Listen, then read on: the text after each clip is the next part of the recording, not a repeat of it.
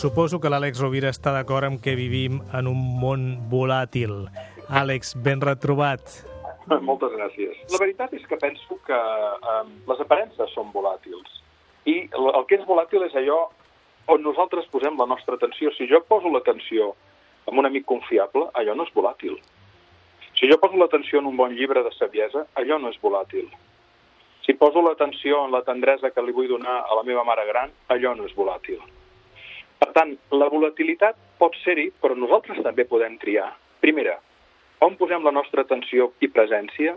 I segona, volem construir solidesa o volatilitat? Perquè és cert que al final algun dia morirem i haurem de deixar-ho tot. I efectivament, com amb la teva observació encertadíssima, no? el budisme ja ens ho deia això de fa molt de temps. Però hi ha qüestions que no són volàtils i que, i que precisament el que és volàtil és allò que és més material. Les aparences, els jocs de la vanitat, l'egoisme, tot allò que vesteix el personatge és volàtil. El rei és nu. Però les coses que sorgeixen de la nuor, la intimitat, l'amabilitat, la humilitat, la benignitat, la clemència, la generositat, són les que donen solidesa i sentit a l'existència. Magnífic final de programa. Àlex, moltíssimes gràcies per aquest Una apunt. gran abraçada. sempre. Una abraçada i fins A a diumenge. i els amics del programa. Una abraçada. L'ofici de viure.